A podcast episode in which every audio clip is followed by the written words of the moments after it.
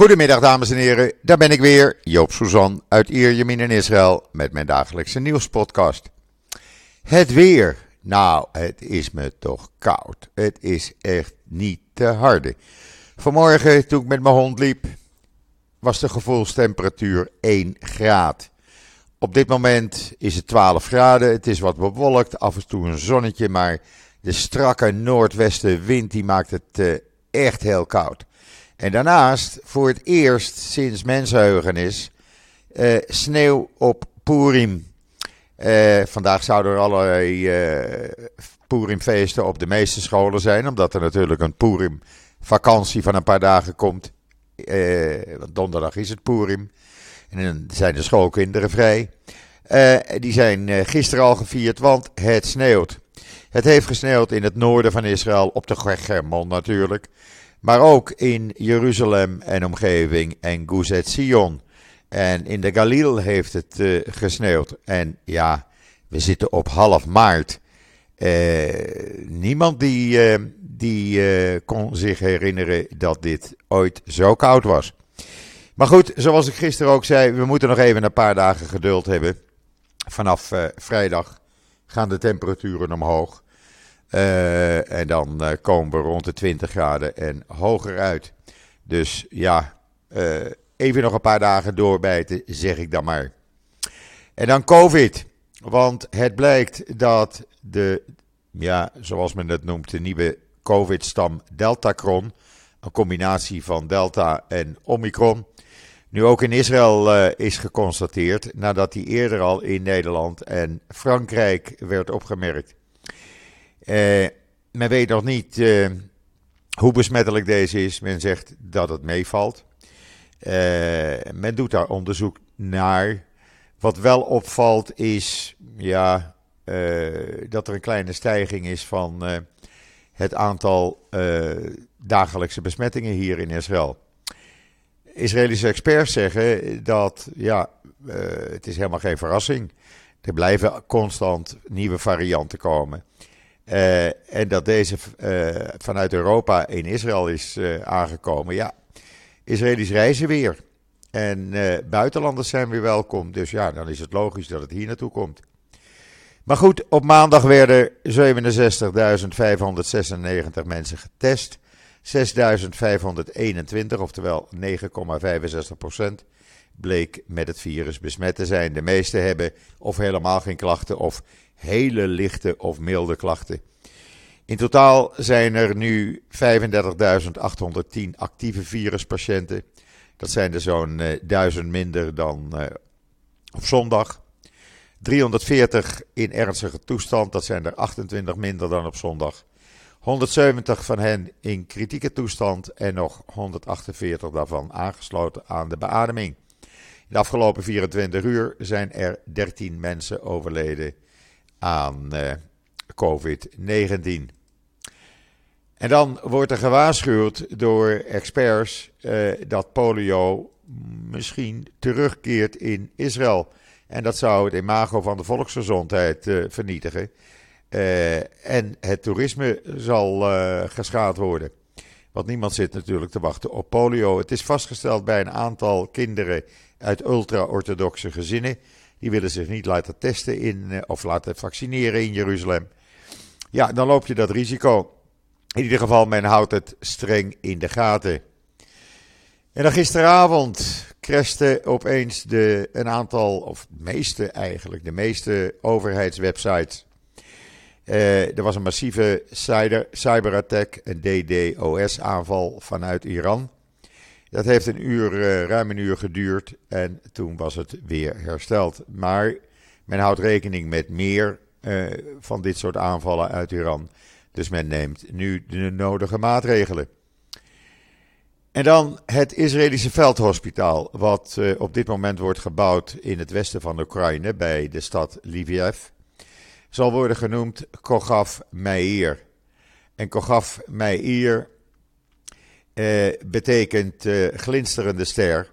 En dat is een eerbetoon aan de in Kiev geboren voormalige premier van Israël, die u allemaal kent, Golda Meir.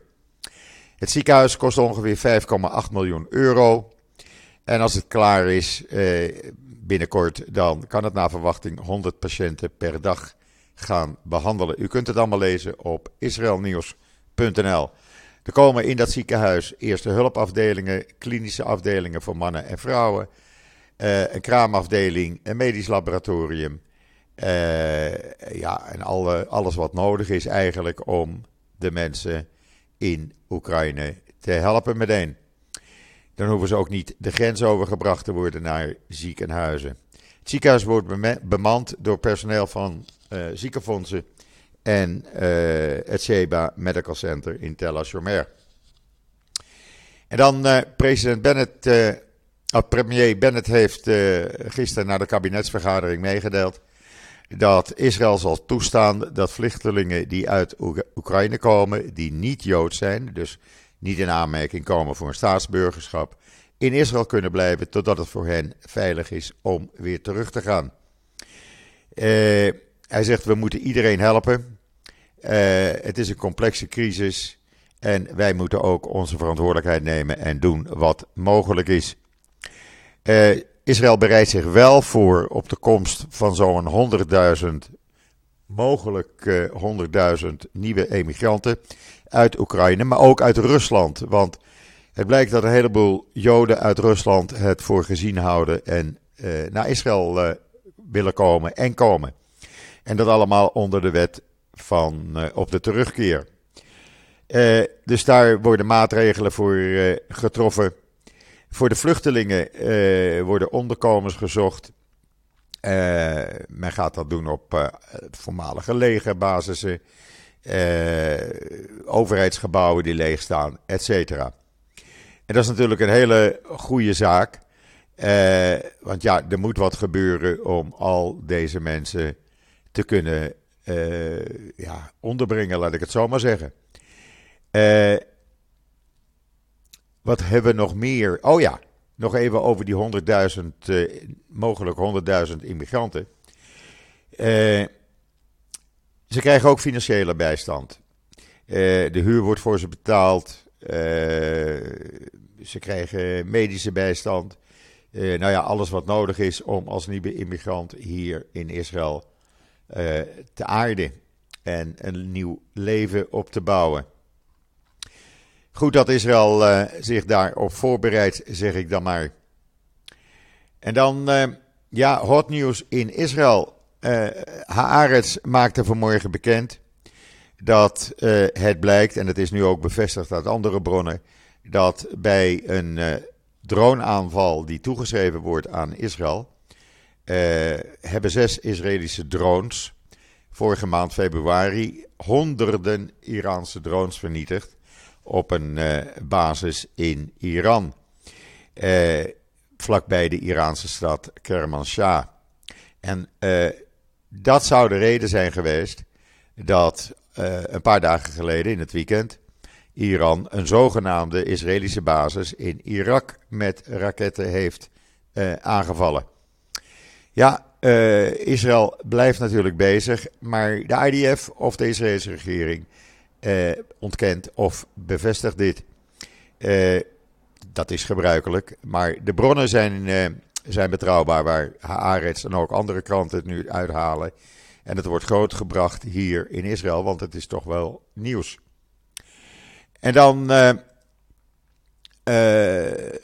ja, er was nog meer. Men heeft in, uh, oh ja, gisteravond kreeg Bennett tijdens de kabinetsvergadering opeens een belletje van meneer Poetin. En meneer Poetin die heeft anderhalf uur met hem gesproken. En dat ging uh, natuurlijk over uh, ja, de mogelijkheid van een staakt het vuren. En Bennett maakte van de gelegenheid gebruik om ja, te zorgen dat er zoveel mogelijk humanitaire hulp vanuit Israël en andere delen van de wereld Oekraïne in kan. Daar heeft hij met Poetin over gesproken. Poetin die klaagde over de barbaarse daden van de Oekraïnse soldaten in de door zijn separatisten, of door hem gesteunde separatisten, gecontroleerde regio Donetsk. Uh, daar zouden zo'n twintig burgers zijn gedood volgens uh, Poetin. En ja, die was daar des duizels over. Hij is zeker vergeten de aanvallen die Rusland constant op woonblokken doet in Oekraïne. Zoals vanmorgen in Kiev. U kunt het zien op mijn Twitter-account, daar staan een aantal video's en foto's. Waar gewoon complete grote woonblokken door raketten zijn uh, aangevallen. En uh, in de brand stonden. Dat is echt verschrikkelijk. En dan uh, is een inwoner van Oost-Jeruzalem opgepakt. Die bedreigde via TikTok de politie met allerlei terreuraanslagen. Hij maakte daar een videootje van, plaatste die op TikTok. Ja, dat moet je natuurlijk niet doen. Dan word je opgepakt door de Israëlische politie. En dan Engeland heeft uh, meneer Poetin gewaarschuwd tegen zijn plan om een pro-Moskou-regering te installeren in de plaats Gerson, die hij of zijn troepen al veroverd hebben. elke poging daartoe is onaanvaardbaar en het is een onrechtvaardige illegale invasie, zei de Engelse minister van Buitenlandse Zaken. Ja, en ik zei het net al even over die aanvallen vanmorgen. Want meneer Poetin maakt zich dan druk dat zogenaamd, want Oekraïne ontkent dit, uh, Oekraïne Donetsk uh, zou hebben aangevallen en burgers zou zijn gedood. Nou, uh, er zijn al 600 burgers, ruim 600 burgers omgekomen volgens de Verenigde Naties in Oekraïne. Er zijn een kleine 3 miljoen mensen op de vlucht.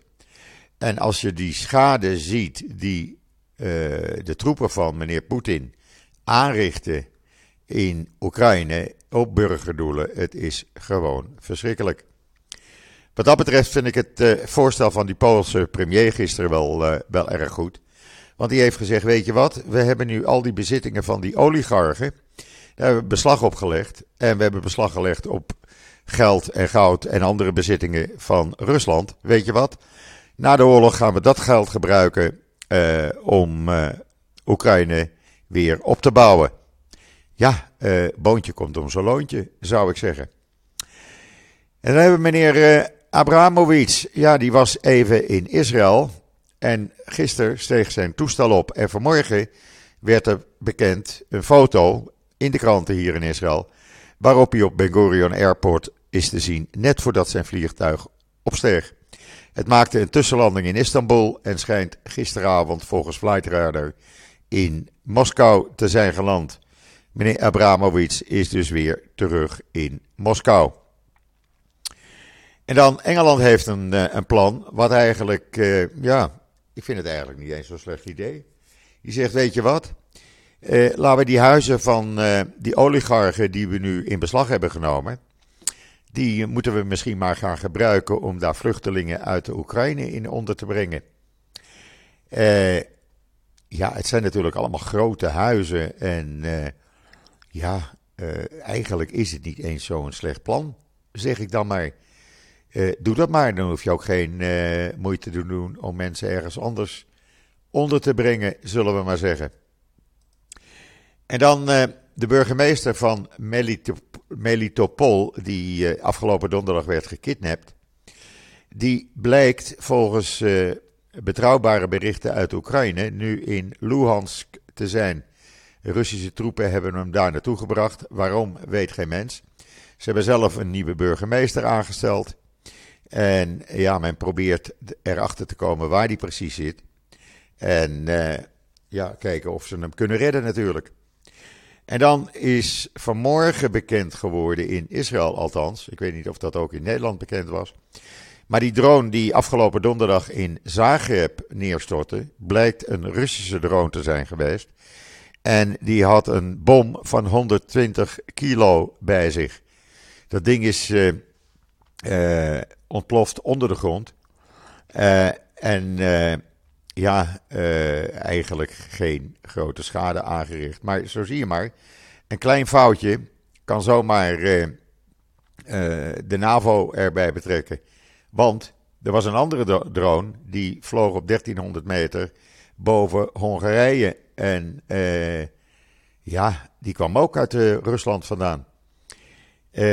dus ja, dat gaat allemaal niet zo kosher, om het zo maar eens te zeggen. En dan zijn er een paar uh, groepen in Frankrijk die, kwijt zijn, die kwaad zijn op het besluit van de Franse regering om twee pro-Palestijnse groeperingen te verbieden.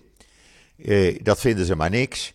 Uh, je mag best zeggen, vinden zij, dat je haat hebt tegen Israël en dat Israël van de landkaart moet worden geschrapt.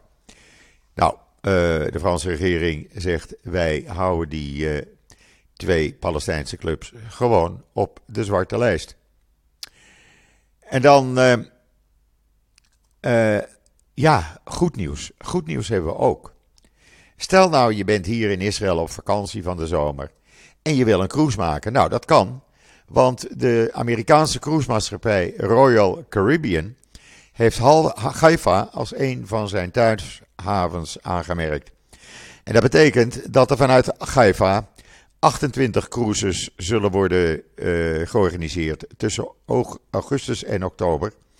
Die gaan naar, uh, via Israël en Cyprus dan naar uh, de Griekse eilanden en het Griekse gedeelte van de Middellandse Zee. het wordt uitgevoerd met een paar bekende schepen. ooit wel eens een plaatje gezien natuurlijk van de Rhapsody of the Seas. Dat is eigenlijk uh, het schip wat hier zal liggen. Die kan 2000 uh, eh, passagiers vervoeren. Heeft een bemanning van 765. En uh, Haifa is dus een van de 33 havens nu. Van waaruit Royal Caribbean gaat opereren. En dat is natuurlijk hartstikke goed nieuws. Stel dat je uitgekeken bent op Israël. Wat niet zo snel gebeurt, denk ik. En dat je zegt: ik wil even een paar dagen lekker cruisen. Nou, het kan. En dan de ambassadeur van Bahrein, die heeft uh, het uh, kinderziekenhuis van uh, Safra kinderziekenhuis bezocht. dat wou hij zelf. En ja, dat maakt onderdeel uit het Safra kinderziekenhuis van het Sheba Medical Center in Tel HaShomer. Het was voor het eerst dat hij daar naartoe ging. Hij had zijn vrouw meegenomen. En ja, ze hebben een rondleiding gekregen van de, uh, van de directeur, professor Krijs. Uh, en ja, ze mochten alles zien. En daar gaat waarschijnlijk wel iets gebeuren, een samenwerking, et cetera, met Bahrein.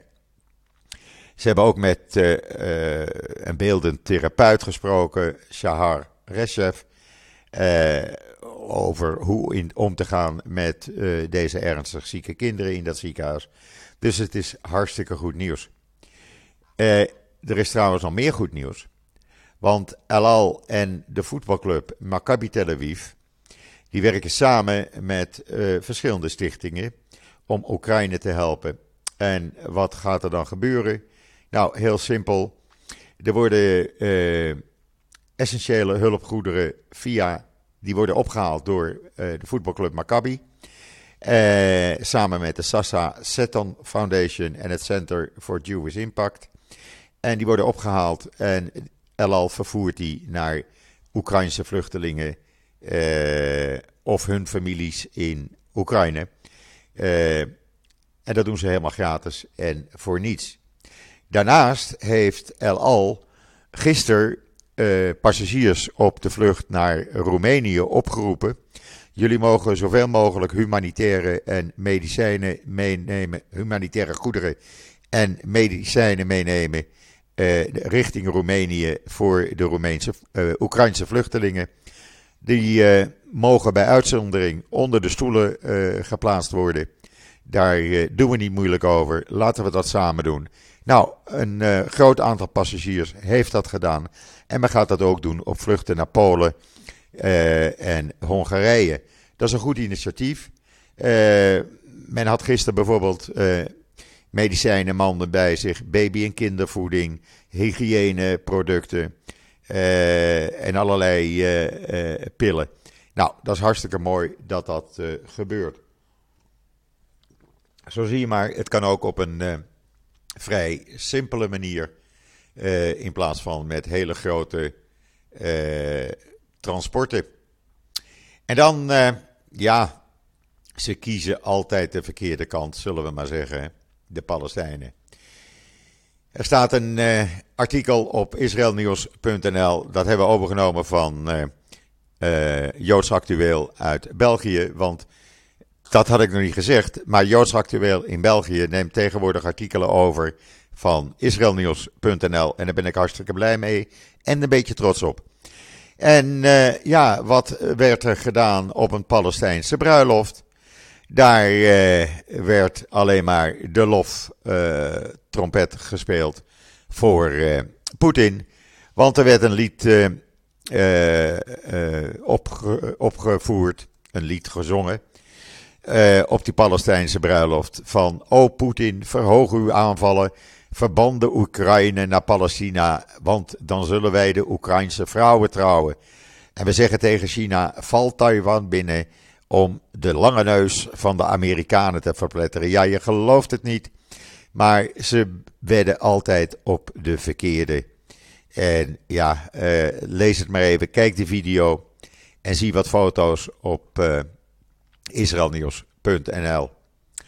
Dit gezegd hebbende brengt mij tot het einde van deze podcast alweer. Het is nog steeds koud.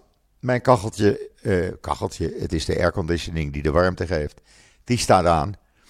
Uh, buiten zie je weinig mensen lopen, want het is ook helemaal niet lekker. En ja, nou ja, zoals ik in het begin zei, we bijten nog even door. Maar ik ben een beetje jaloers op jullie in Nederland met de zon en lekker uh, voorjaarsachtig weer. Maar goed, wij krijgen dat dan het weekend. Goed, ik wens iedereen nog een hele fijne voortzetting van uh, deze dinsdag, de 15e maart alweer. We zitten weer op de helft. Ik ben er morgen weer en zeg zoals altijd: tot ziens, tot morgen.